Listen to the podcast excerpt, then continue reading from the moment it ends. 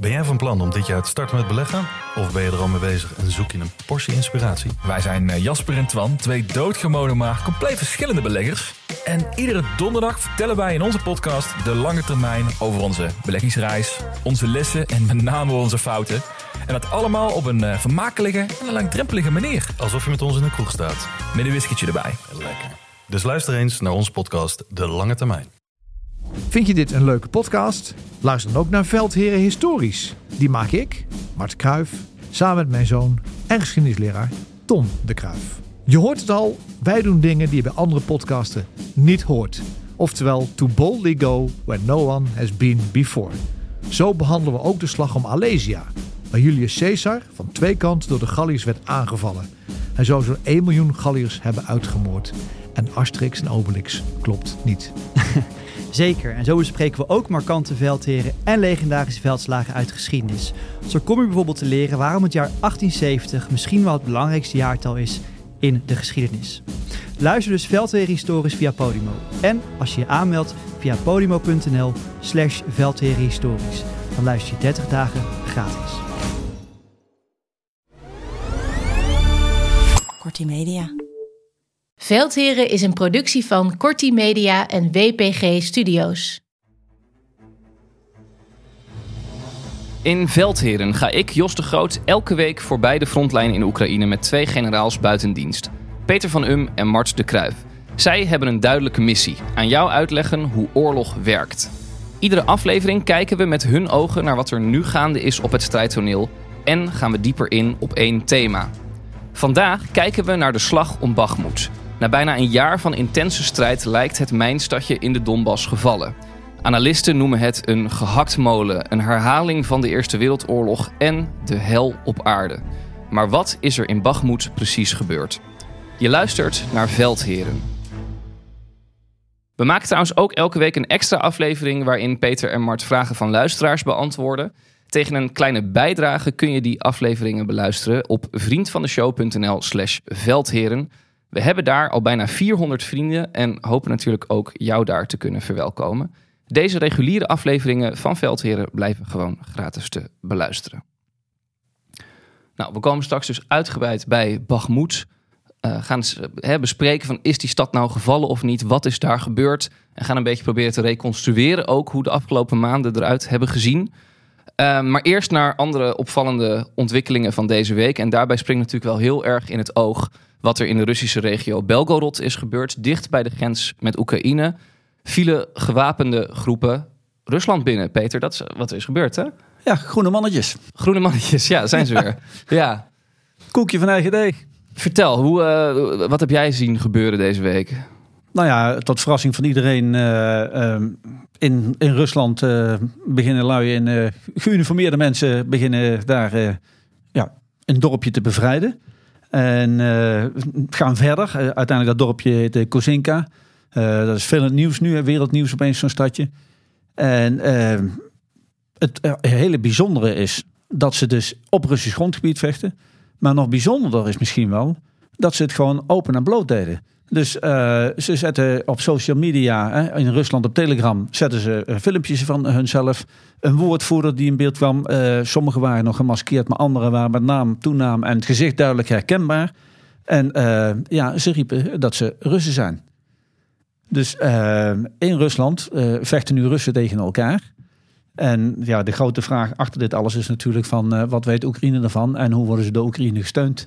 Ja, maar het begint gelijk te Ja. lachen. K- kunnen we beginnen aan, aan een, eh, een antwoord op die vraag? Wat weten we daar precies van? Nou, dan komt eh, de theorie van Mart. Dan komt het. Kijk, eh, er zijn twee eenheden. Hè. Er is een eenheid eh, die eh, bestaat eh, zeg maar uit eh, mensen die tegen het eh, nazisme aanhangen, sterke nationalistisch. En je hebt een eenheid De Russian Volunteer Corps. ja, en je hebt het legioen. Dat legioen dat bestaat meer uit expats, uit Russen die eh, zeg maar eh, zich niet meer kunnen vinden in het gezien van Poetin of hebben moeten vluchten of andere reden of krijgsgevangen zijn gemaakt en daarna kunnen gaan dienen in het eh, Oekraïnse leger. Het zijn niet zulke grote eenheden, het is een paar honderd eh, man. Alhoewel ze zeggen dat er een wachtlijst is van eh, duizenden, hè, dat ze moeten worden geselecteerd of dat ze kunnen worden aangenomen. Maar, t- twee groepen met totaal verschillende Ja. ideologieën. Maar het is een goede reportage voor de Belgische eh, een radio een aantal maanden geleden opgenomen door iemand die met die troep had meegelopen. En het is heel duidelijk dat ze worden opgeleid en getraind in de structuur van het Oekraïnse leger. Daar is eigenlijk is er geen twijfel over. Als je dat weet, dan weet je ook dat, je langzaam een scenario ziet ontrollen in relatie tot het offensief.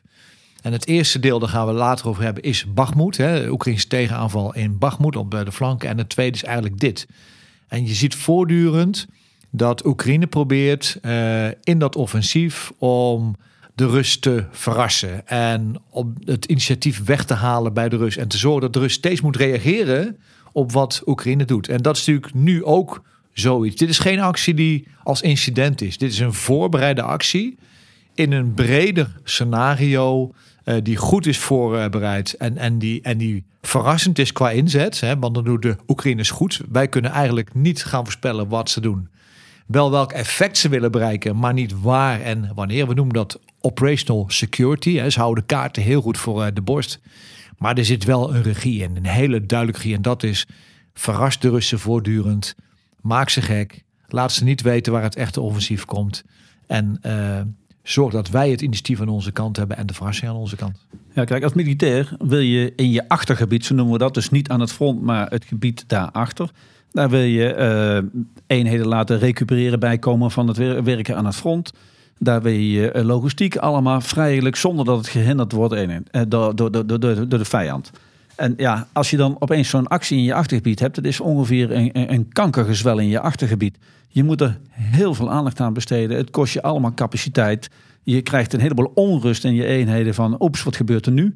En waar gaat het de volgende gebeuren? Dus je hebt een heel groot effect met zo'n uh, met zo'n actie. Uh, alleen vraag ik me wel af of de Oekraïners zich één ding van dat effect ook gerealiseerd hebben.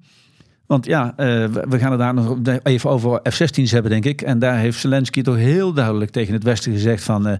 we, we gaan die alleen maar inzetten op Oekraïns gebied. En niet op Russische grond, want daar, daar, daar, gaan we niks doen. Daar hebben we geen middelen voor. En ja, de, officieel roepen de Oekraïnse autoriteiten nu dat ze niets te maken hebben met deze actie. Maar, maar daarvan zeggen jullie dat is totaal ongeloofwaardig. Ja, ik denk dat dat ongeloofwaardig is. in welke mate ze erbij betrokken zijn, daar kun je nog een discussie over voeren. Maar ze, ze wisten er volgens mij echt van. Uh, en ja, in het Westen krapt nu iedereen zit echt toch een beetje op zijn hoofd van... Oké, okay, Zelensky heeft dit wel gezegd uh, met de F-16's. Maar wat als hij dadelijk toch ja, een, een mogelijkheid ziet om een, om een grote klap uit te delen? wat doet hij dan? en dat effect, dat, dat zal hij toch recht moeten praten. Kijk, het is de goede mannetjes, maar dan andersom. Hè. Ze doen het precies uh, andersom. Uh, overigens dat... Uh, Nog even groene mannetjes, dat zijn zonder vlag, zullen we maar zeggen. Hè? Dat ja, die heeft... Weten... Poetin gebruikte in 2014 ja, is de Wagner-groep die op de Krim kwam. Hè? Ja. Mensen in uniform, maar niet herkenbaar waar ze vandaan komen.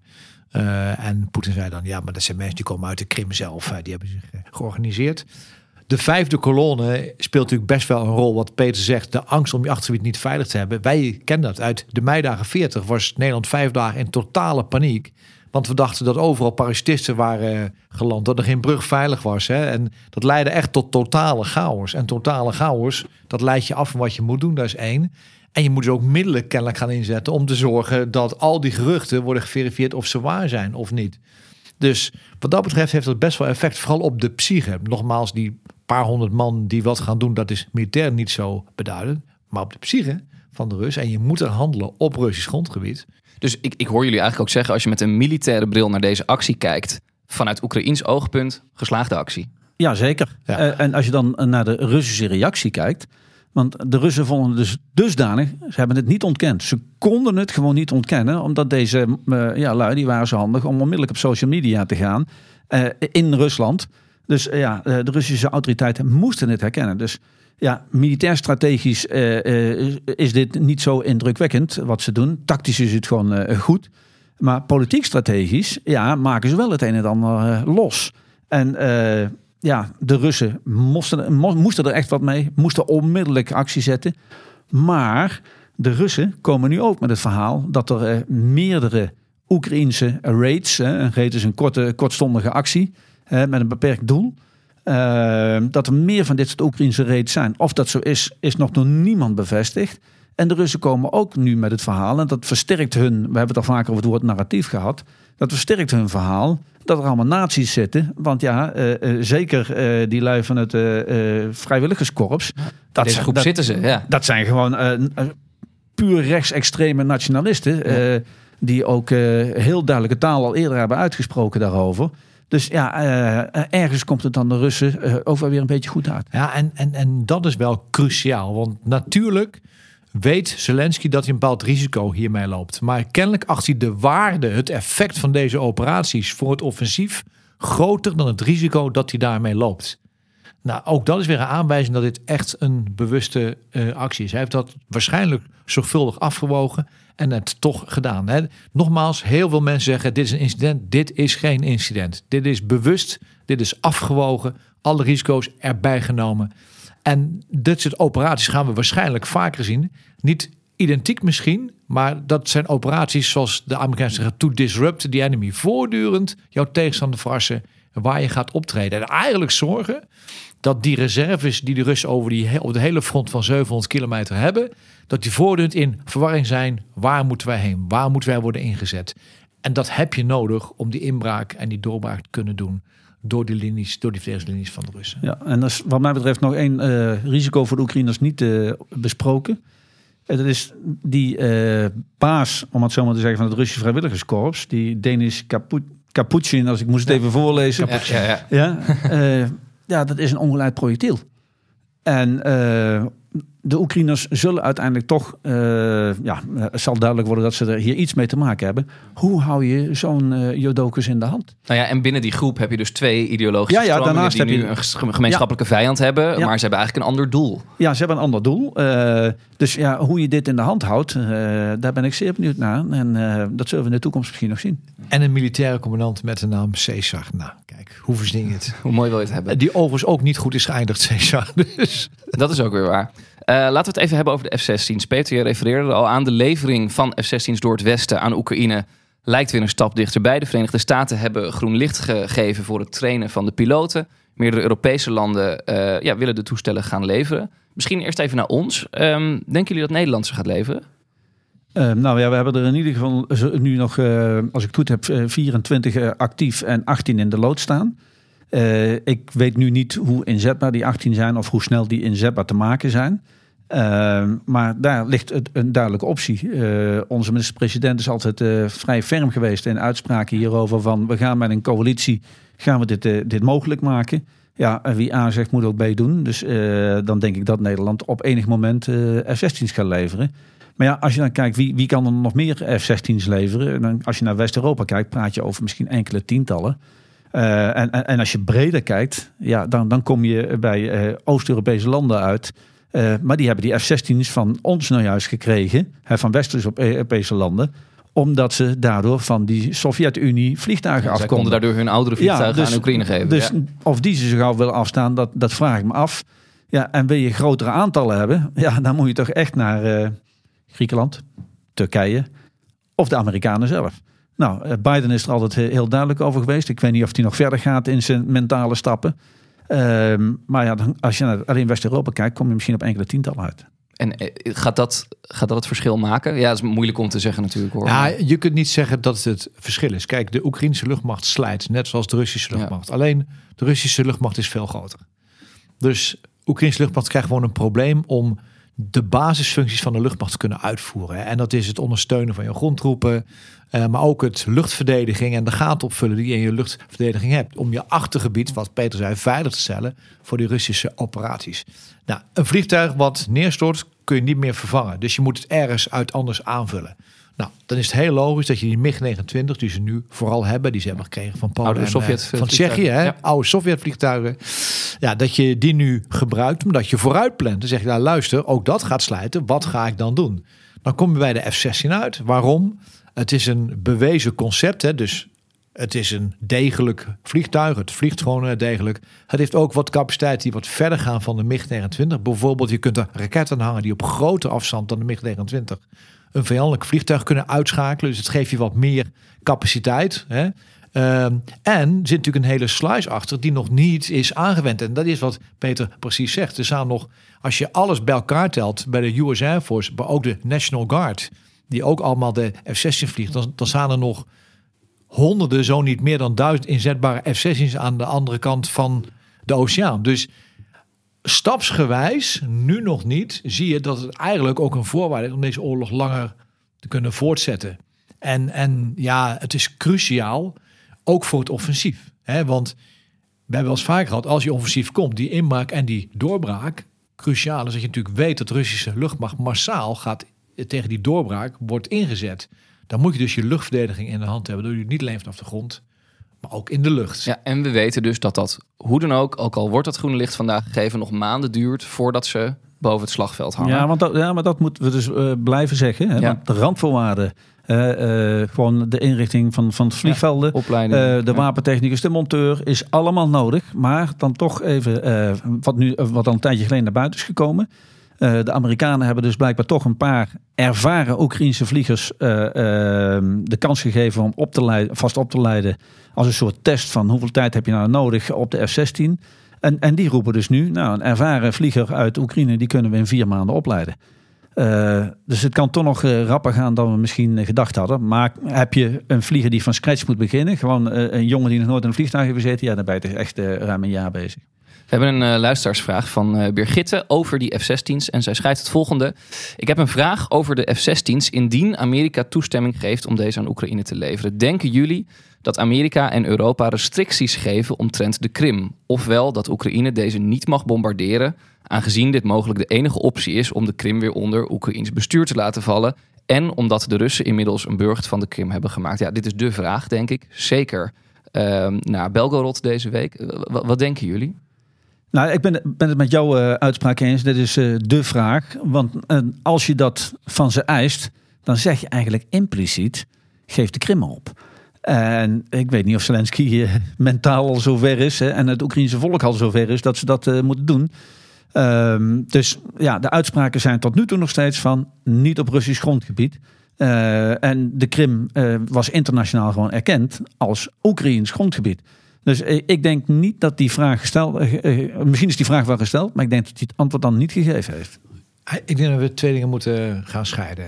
Rusland, even los van de Kiev, of de Krim, sorry, er zal ongetwijfeld een caveat op liggen. We gaan niet boven Russisch grondgebied vliegen. De Krim is echt een ander verhaal. Natuurlijk geldt daar ook dat het politieke gevoelig ligt. Hè. Zelfde argumenten kun je hanteren, maar het verschil is natuurlijk is uh, dat de Krim natuurlijk niet alleen Oekraïns is van huis uit. Hè, en tenminste volgens uh, het volkenrecht. Maar er zit nog iets anders bij, denk ik. En dat is, uh, je wil ook de indruk vestigen als Oekraïns leger... dat je de Krim ook wilt veroveren. Ook al ga je het misschien niet doen. En dat betekent dat je daar ook jouw diepe operatie moet kunnen uitvoeren. Hè? Dus de aanvoerwegen in de Krim, de logistieke centra, de commandocentrale... moet je wel kunnen aanvallen. Dat hoef je overigens met de F-16 niet boven de grond te doen. Want van grote afstand kun je de wapens inzetten. Maar die restrictie, ik denk niet dat die restrictie erop ligt. Wel boven Russisch grondgebied, niet boven de Krim. Want dan hinder je eigenlijk ook uh, op korte termijn het succes voor het offensief wat ze moeten inzetten. Ja, en we moeten ons realiseren dat uh, Zelensky heeft nu middelen waarmee hij de Krim ook kan aanvallen. Zonder die F-16's in te zetten. Ja. Want uh, met de Storm Shadow die hij nu heeft gekregen, ja, ligt er een dreiging over de hele Krim opeens. Ja, en, en de Russen voelen die dreiging ook. Er zijn uh, hele mooie satellietbeelden van hoe de Russen momenteel zelfs de westkust van de Krim helemaal aan het, ja, ik zou zeggen, ter verdediging aan het inrichten zijn, het fortificeren.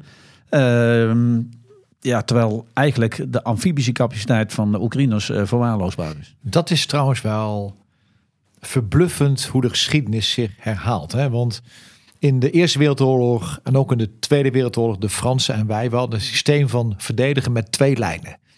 En, el, en die lijnen lagen 20 kilometer uit elkaar en elke lijn bestond uit drie loopgraven.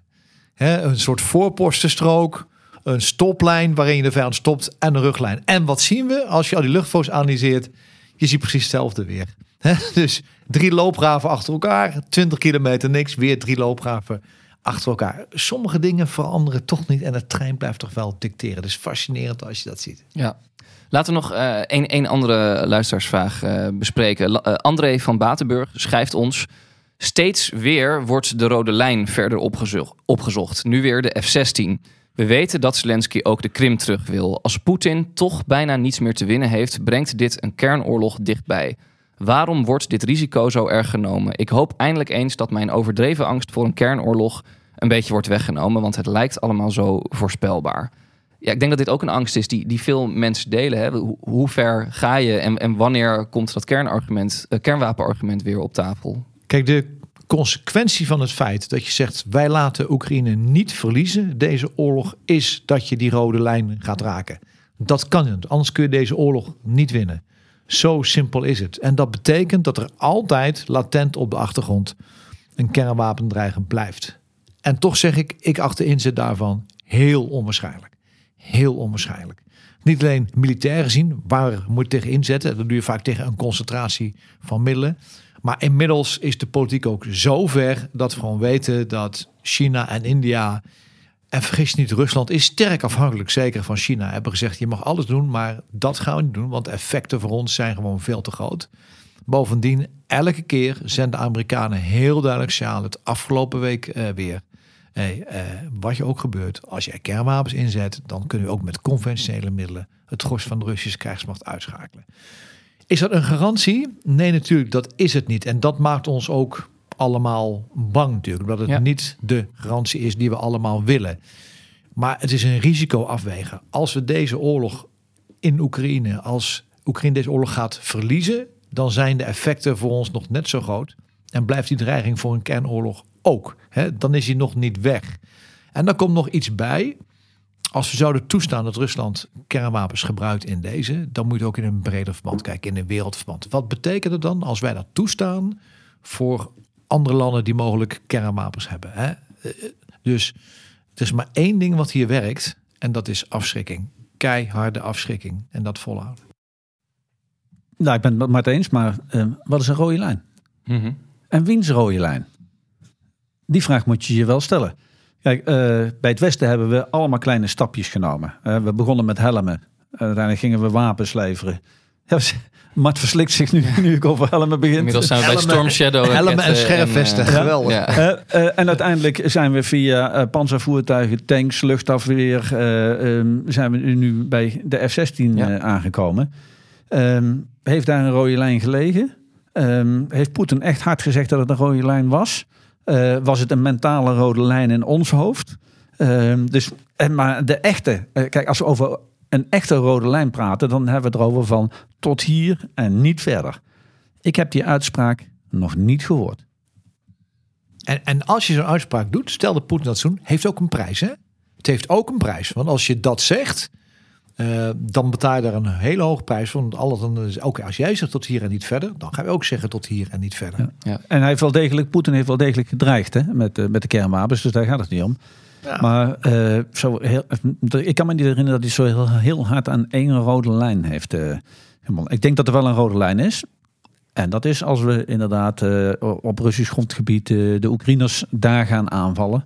Dan, eh, dan he- hebben we Maar- een andere afweging in het Kremlin, vrees ik. Ja, ik begrijp je zo heel goed, want het is eigenlijk een klassieke vraag. Hè? Tussen appeasement, ga je toegeven aan een tegenstander omdat het dreiging is, of doe je dat niet? Hè? Dat is natuurlijk een klassieke vraag die ook in de oudheid steeds terugkomt. En tot nu toe zijn de ervaringen met appeasement, het toegeven, zijn niet eh, al te goed geweest. Maar nogmaals, volledig uitsluiten in deze context, dat kan niemand. We gaan het hebben over, over Bachmoed. Heren, zeg het maar. Is Bachmoed deze week gevallen of niet? Het is maar hoe je er tegenaan kijkt. Dus het is ja en nee. Ehm, ik, ik geloof ook echt dat de Russen eh, in ieder geval het gros van Bakhmut nu eh, in bezit hebben. Ehm, van Oekraïnse zijde wordt nog gezegd dat ze aan de west- of de zuidwestzijde toch nog wat eh, bebouwde stukken in bezit hebben. En dat wordt momenteel door niemand echt bevestigd. Ehm, dus de Russen hebben het gros in ieder geval, en misschien wel de, de stad in bezit. Maar kunnen ze er vrij gebruik van maken? Nee, is het antwoord. Heel duidelijk nee. Want de Oekraïners zitten in eh, de omgeving en eh, hebben nog steeds directe invloed op, eh, op die stad. Ja, en dan zeg ik stad, hè, want daar hebben 70.000, 80.000 mensen gewoond. Maar is het nog een stad? Nee, het is gewoon één grote ruïne. Dus wat wil je er nou mee? Uh, je kunt er niks mee. Het heeft wel. Zoals want, je, want je zegt de Russen. Je, je werpt de vraag op: kunnen de Russen er gebruik van maken? Hoe, hoe zou je er gebruik van kunnen maken? Nou ja, dan, dan, dan zou je dus kunnen betogen dat ze van daaruit verder naar het westen kunnen doorstoten. Maar daar zijn de Oekraïners al lang bezig om uh, zich op voor te bereiden. Dus die kans is, uh, is vrij gering. Uh, we hebben al eerder gezegd, het heeft, eigenlijk heeft de stad nul en geen waarde, behalve voor de PR. Van de Russen. En voor de Oekraïne heeft het waarde, omdat ze daar de Russen, wat wij dan noemen, zo hard kunnen slijten. en ze hebben heel veel slachtoffers aan de Russische kant gebracht. Maar ja, ik denk dat de Russen echt al het gros in bezit hebben. Hebben we eigenlijk, Mart, een, een beeld ervan wat er nu gaande is op Bagmoed? Hoe ziet de situatie daar er nu uit? Nou, ik zie de, zich daar de slag bij Cannae ontwikkelen. Dat moet je even uitleggen. Ja, dat is een klassieker. Ja, dat is een klassieketje. Nee, uh, kijk, uh, de stad, Bagmoed of wat er van over is, die is grotendeels in Russische handen. Maar de flanken, noord en zuid daarvan, ook hoger gelegen gebied, uh, daar is het Oekraïnse leger, zeg maar twee weken geleden, een tegenaanval begonnen. En hebben heel veel trein gewonnen. En dat komt omdat de Wagner-groep eigenlijk over de hele breedte optrad bij uh. Dus zowel in het centrum als op de flanken. Maar om uiteindelijk die stad te kunnen nemen, hebben ze die flanken overgedragen aan het Russische leger. Zodat Wagner zich kon concentreren op de stad zelf. Nou, wat is nou bij die slag bij Cannae gebeurd? Dat was Carthago tegen Rome in 216 voor Christus in Italië. Dus waar heb je het over? Ja, ja. Maar het is wel een klassieke slag. Want denk dat je twee legers tegenover elkaar hebt staan. En dat was daar. Hè, die gewoon in twee rijen tegenover elkaar staan. Wat deed Hannibal nou? Die pakt het midden van zijn leger. En dat liet hij naar achter gaan. En de Romeinen dachten, wacht even, wij gaan deze oorlog winnen. Dus die gingen achter dat centrum van Hannibal aan. Waardoor de flanken van Hannibal, daar komt hij, eigenlijk heel diep in Romeins gebied zaten. En dat leidde tot een omsingeling van de Romeinen en een verpletterende nederlaag. Dat zou hier ook wel eens kunnen gebeuren. Want als die flanken van het Oekraïnse leger in staat zijn om door te trekken en zeg maar Bagmoed te omsingelen, dan heb je een probleem. En dan wordt het interessant wat er gebeurt. Want Prigozhin heeft gezegd, Prigozhin, sorry, wij gaan terug. op 25 mei gaan wij terug. Overigens niet eenvoudig, want als je onder vuur een aflossing moet doen, zoals wij dat noemen, dat doe je niet zomaar. Dat is een helve job, want je moet weten waar liggen je mijnenvelden, waar liggen je doorgangen, welke riolen kan ik gebruiken, welke huizen zijn er intact. Succes ermee. Maar dat gaat dus dagen duren. Maar als je dan ook nog eens een keer moet doen terwijl je wordt omsingeld en je kunt je terugtochtwegen niet vrij gebruiken. Ik denk dat we de naam Bachmoed de komende dagen nog wel eens een keer gaan tegenkomen wat er allemaal gebeurt. En in het grotere plaatje past dat dus weer in het uh, dwingen om de aandacht van de Russen op Bachmoed te houden, zodat ze hun reserves daarheen moeten brengen, omdat ze weten dit kan wel eens fout gaan. Dat is ook de samenhang met waar we het net over hebben gehad in Belgorod. Er zit echt regie op die operaties. Oekraïne valt niet zomaar aan. We krijgen een vraag van een luisteraar over, over Bachmoed. Uh, Wim Heinen die vraagt ons: wat zijn de plannen van de Russen nu ze Bachmoed in handen lijken te hebben. Zullen ze de stad bij een eventuele tegenaanval, kosten wat kost verdedigen, à la Gerson, of dan verlaten? En dan hoor ik je eigenlijk ook zeggen, ja, dan moet dat ook nog maar kunnen. Ja, wat zijn een beetje de scenario's voor Rusland op dit moment? Nou, dan wil ik toch eerst naar wat Mart zegt, die aflossing. Uh, in, in, het Engels noemen we dat relief in place. Ja, dus een aflossing ter plekke. Um, dat, zoals Mart zegt, dat is zo moeilijk. Zeker als de vijand daar invloed op heeft. Dus het eerste plan is dus, ja, Precaution wil weg. Uh, dus de Russische reguliere strijdkrachten worden eigenlijk door hem in een positie gezet dat ze wel moeten overnemen. Uh, ik denk dat hij er ook aan toe is met de Wagner-groep. Uh, die hebben echt tijd en rust nodig om hun wonden te likken en, en te herstellen. En daarna komt de vraag waar worden ze dan weer ingezet. Maar dat betekent dat de reguliere troepen van Rusland, die moeten dus een plan gaan maken. En daarbij kunnen ze de posities van de Wagner-groep overnemen. Of ervoor kiezen om iets achter die lui te gaan zitten. Uh, maar in ieder geval hebben ze, zoals Mart zegt, alle informatie die er is over het gevechtsveld, moeten ze van de Wagner-groep krijgen. Oh, wacht even. Hoe goed was de samenwerking tussen de Wagner-groep en de Russische reguliere strijdkrachten? Die kunnen elkaar het licht in de ogen niet. Dus die informatieoverdracht, dat die perfect gaat verlopen, dat lijkt mij uh, uh, nou, heel pittig. Dus dat wordt, al, wordt al lastig. Dus die aflossing, die, uh, die gaat in mijn ogen krakkemikkig plaatsvinden. En, en, onder druk van de Oekraïners. Dit betekent dus allemaal dat de Russen dus de capaciteiten moeten zetten. Daarnaast, de Russen hebben dit zo groot gemaakt, Bakhmut, in hun PR, dat wat er ook gebeurt, je kunt niet zomaar als Russen Bakhmut opgeven. Want dan moet je aan je eigen thuisfront gaan verklaren waarom al die jongens daar gestorven zijn, of uh, gewond zijn geraakt, uh, of krijgsgevangenen zijn genomen. Uh, en we daar maanden, bijna een jaar voor gevochten hebben. En, en nu laten we het allemaal weer aan de Oekraïners. Dus de Russen worden gedwongen om daar capaciteit neer te zetten om in ieder geval Bakhmut te verdedigen. En ja, als, als je dat moet doen onder de druk van de Oekraïners. En als de Oekraïners die flanken pakken en je krijgt dan een omgekeerd spel. Hè, want je zag de afgelopen periode dat de Oekraïners hun bevoorradingslijnen werden bedreigd door de Russen. Je loopt daar de kans dat je een situatie krijgt waar de Russen in een soort puist vooruit zitten. En hun bevoorradingslijnen uh, ook weer worden uh, ja, bedreigd door de Oekraïners. Dus dan uh, wordt het nog een hele moeilijke voor de Russen om dit allemaal voor elkaar te krijgen. Ja, want als je de vraag omdraait, hè, we hebben het over hè, die Oekraïners die staan langs de flanken. Wat zouden hun plannen kunnen zijn met Bagmoed?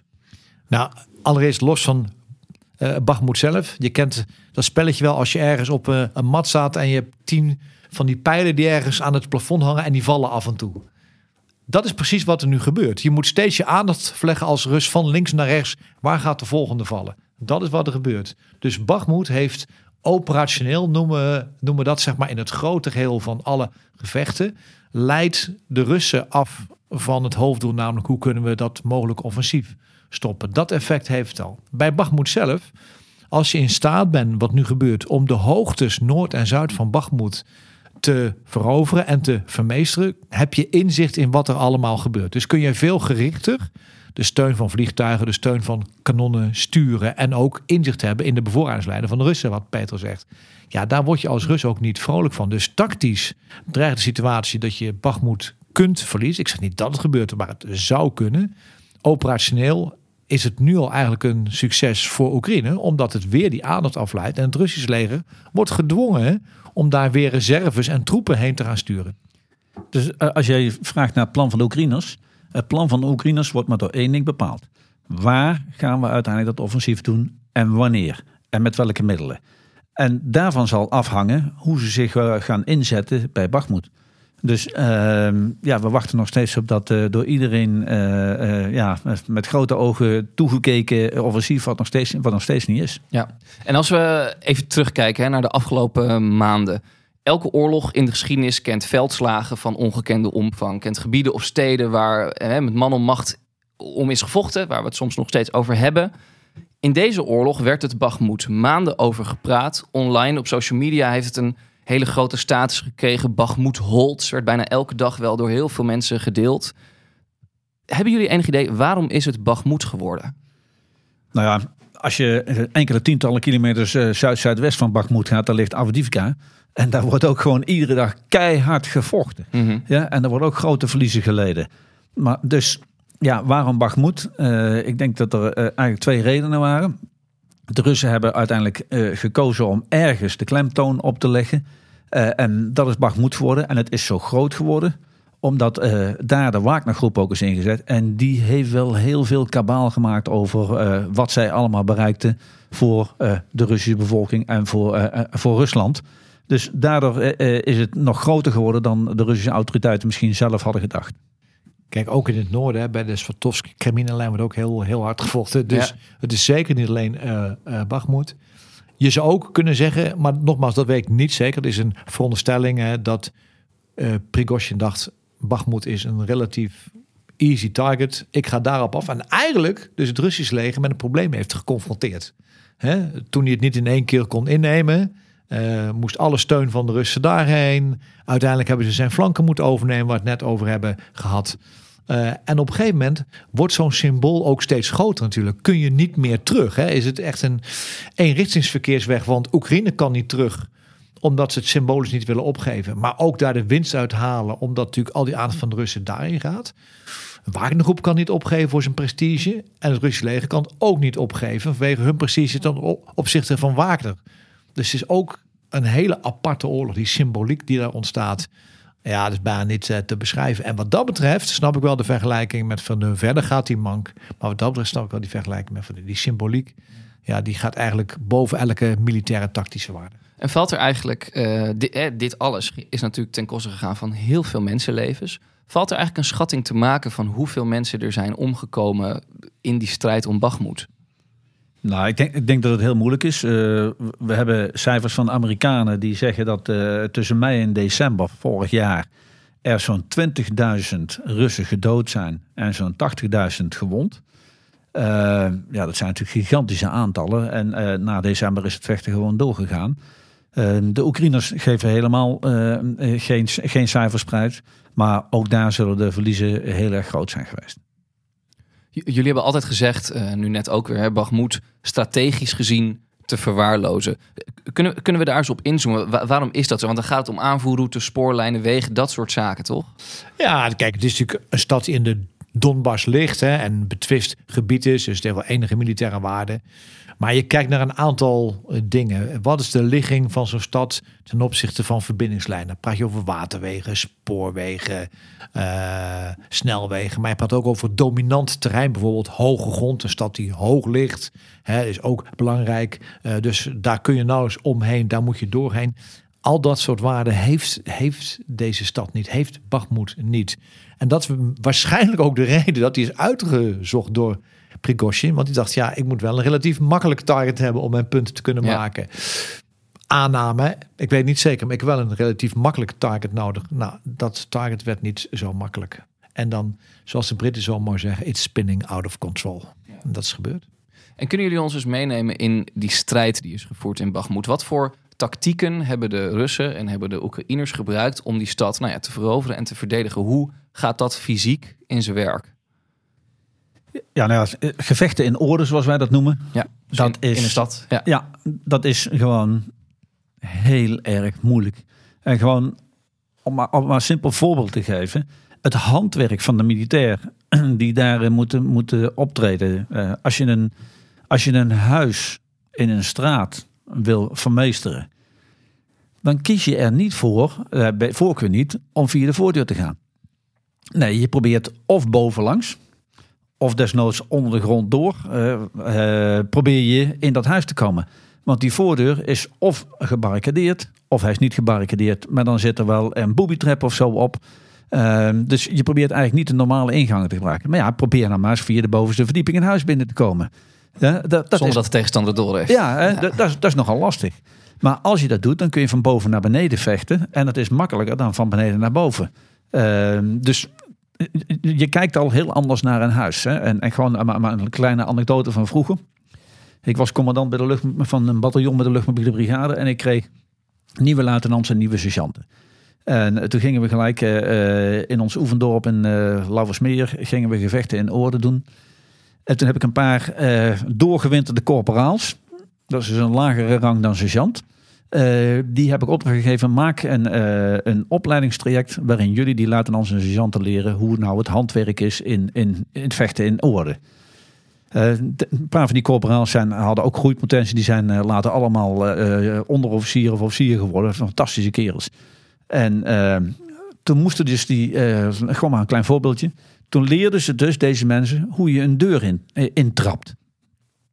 En er was dus een luitenant, die moest het vijf keer overdoen van de corporaal.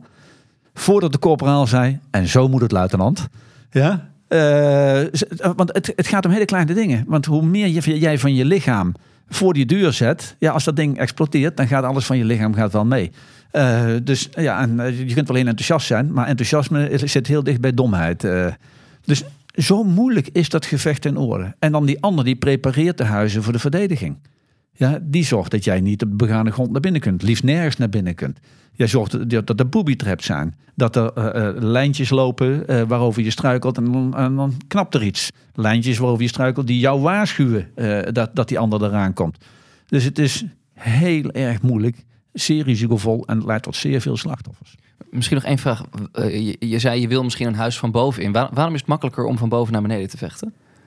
Nou ja, dat is heel simpel. Meer, meer eh, overzicht? Ja, ja. Ik, Mark moet lachen, maar ik, ik vraag het maar. Gooi, gooi eens een handgranaat omhoog. Ja. Als je niet goed gooit, komt hij weer naar beneden rollen. Ja, ja, ja. Heb je hem zelf. Ja. Ja, gewoon maar een simpel voorbeeld. Mm -hmm. ja, terwijl als ik boven de trap sta, dan laat ik hem gewoon naar beneden stuiteren. En dan zet hij naar beneden, boem, en dan kom ik wel. Ja, zo simpel. Het zijn hele simpele dingen, maar die redden wel levens. als je vecht in een stad of in een dorp, is dat geen gevecht van systeem tegen systeem, maar mens tegen mens. En dat maakt het zo intensief. Ehm, je kunt ook grote wapensystemen niet of nauwelijks gebruiken, want je weet niet waar de vijand zit. En als je weet waar hij zit, zit hij vlakbij je. Dus de steun van kanonnen en van vliegtuigen is hartstikke moeilijk. Ehm, en eh, dat maakt het ook zo ongelooflijk intensief, omdat je de dreiging kan altijd komen. Je ziet hem ook niet aankomen. Hij kan overal zijn. Dus het is ook een gevecht van 24 uur per dag. Dus het slijt ook fysiek en mentaal ontzettend. En als je echt wil weten wat dat betekent, ook voor moderne legers, dan zou ik aanraden om eens eh, boeken te lezen over eh, de inname van eh, Fallujah door het US Marine Corps. een commandant van mij in Afghanistan, Larry Nicholson, moest die aanval leiden. Is ook gewond geraakt door een antitankraket. En hij zegt: Dit is maar één ding: to deal with chaos. Dat zijn letterlijke woorden: to deal with chaos. En hij zegt ook: Let op, dit is dus echt een sergeant's war je kunt officieren zijn of hogere officieren. Het gevecht is echt van man tegen man op laag niveau. En als je onderofficieren niet goed zijn, ga je een oorlog in een oord nooit winnen. Laten we even naar een uh, vraag van een luisteraar gaan over Bachmoed. Lennart Duivenstein vraagt ons het volgende. Hoe kun je objectief vaststellen voor wie de meat grinder, zoals Bachmoed natuurlijk vaak is genoemd, in zijn voordeel werkte? Pro-Russen zeggen 50.000 slachtoffers aan Oekraïnse zijde en een verslagen leger. Pro-Oekraïnse bronnen zeggen hetzelfde over Rusland. Waar kijk je naar om de feitelijke situatie in beeld te krijgen? Is heel moeilijk natuurlijk. Nou, nee, dit, dit, is heel moeilijk. Maar we, we, kunnen er echt van uitgaan dat de Oekraïners uh, zich heel goed ter verdediging hebben ingericht in, uh, in, in de stad zelf, in de huizen. En uh, ja, als jij aanvalt, zul je je toch bloot moeten geven. Zul je een keer uit die dekking moeten komen en zul je je moeten verplaatsen. En moet je uh, het gevecht aangaan om op de volgende verdieping of in het volgende huis te komen. En dat betekent dat je gewoon als aanvaller kwetsbaarder bent. En als je dan naar de geschiedenis mag kijken en naar de statistieken, dan is het wel erg duidelijk dat de verdediger minder verliezen heeft uh, dan de aanvaller. Dus ja, als wij van die aantallen van Amerikanen uit mogen gaan, dan uh, moeten de Oekraïners waarschijnlijk minder verliezen hebben gehad. Ja, de vraag is eigenlijk ook wie is de winnaar in Verdun geweest in de Eerste Wereldoorlog. En dat kon je pas in 1918 kon je dat uh, bepalen. Want niet het Frans leger is er lege bloed, maar het Duits leger is er lege gebloed. En die effecten van Bachmoed, met name op de gevechtskracht en het moreel van het Russische leger, ja, dat zullen pas de komende weken en maanden zien. En dan wordt het allemaal duidelijk. Laten we tot slot over Bachmoed. Uh, vorige week hebben we het uitgebreid gehad over lessons learned. Hè? Wat leren we nou van deze oorlog? Wat leren de Russen? Wat leren de Oekraïners? Welke les kunnen we trekken uit elf maanden kijken naar wat er allemaal is gebeurd in Bachmoed? Nou ja, ik, ik, vond het mooi. Mart zei het uh, toen straks al, uh, in een hele andere context. Maar je ziet toch weer dat het terrein dicteert. Uiteindelijk dat oord als je daar wil gaan vechten, dat bepaalt hoe je kunt vechten, welke middelen je kunt inzetten, uh, waar je je aanval doet, waar je verdedigt. Uh, hier wordt weer, ja, die, die oude les wordt weer, wordt weer geleerd. En ja, een les die we eigenlijk ook al weten is, oorlog is onvoorspelbaar. En als iemand van tevoren, of in het begin van deze oorlog had gezegd van nou in Bagmoed, daar gaat het gebeuren. Dan hadden alle uh, experts hadden je uitgelachen en je voor idioot verklaard. Dus je ziet uiteindelijk ja, worden er besluiten door mensen genomen die lang niet altijd op uh, alleen maar rationele gronden uh, worden genomen. En soms, ja, zoals Mark net zo mooi omschrijft in zijn theorie over Wagner, die dachten makkelijke objecten te kunnen bezetten. Ja, soms ga je een fuik in waar je niet meer uit kunt.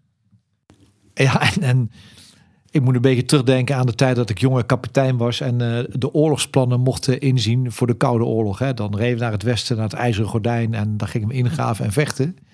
En dan moesten we pijlen trekken. Pijlen trekken hoe we zelf offensief zouden kunnen optreden, maar ook pijlen trekken hoe de Russen offensief zouden kunnen optreden. En we trokken altijd pijlen om steden heen. Vooral niet door steden heen, want dat vonden we allemaal veel te ingewikkeld. Ja, maar zo werkt oorlog niet. Hè? Jij bepaalt als verdediger waar je gaat verdedigen, niet jouw vijand. Maar we vonden het wel heel erg moeilijk. Dus al die pijlen liepen er keurig omheen. En als je een pijl door een stad trok, had je altijd wel een generaal die zei: Kapitein, u heeft het niet begrepen. Volgende week praten we verder. Waar gaan jullie de komende dagen op letten?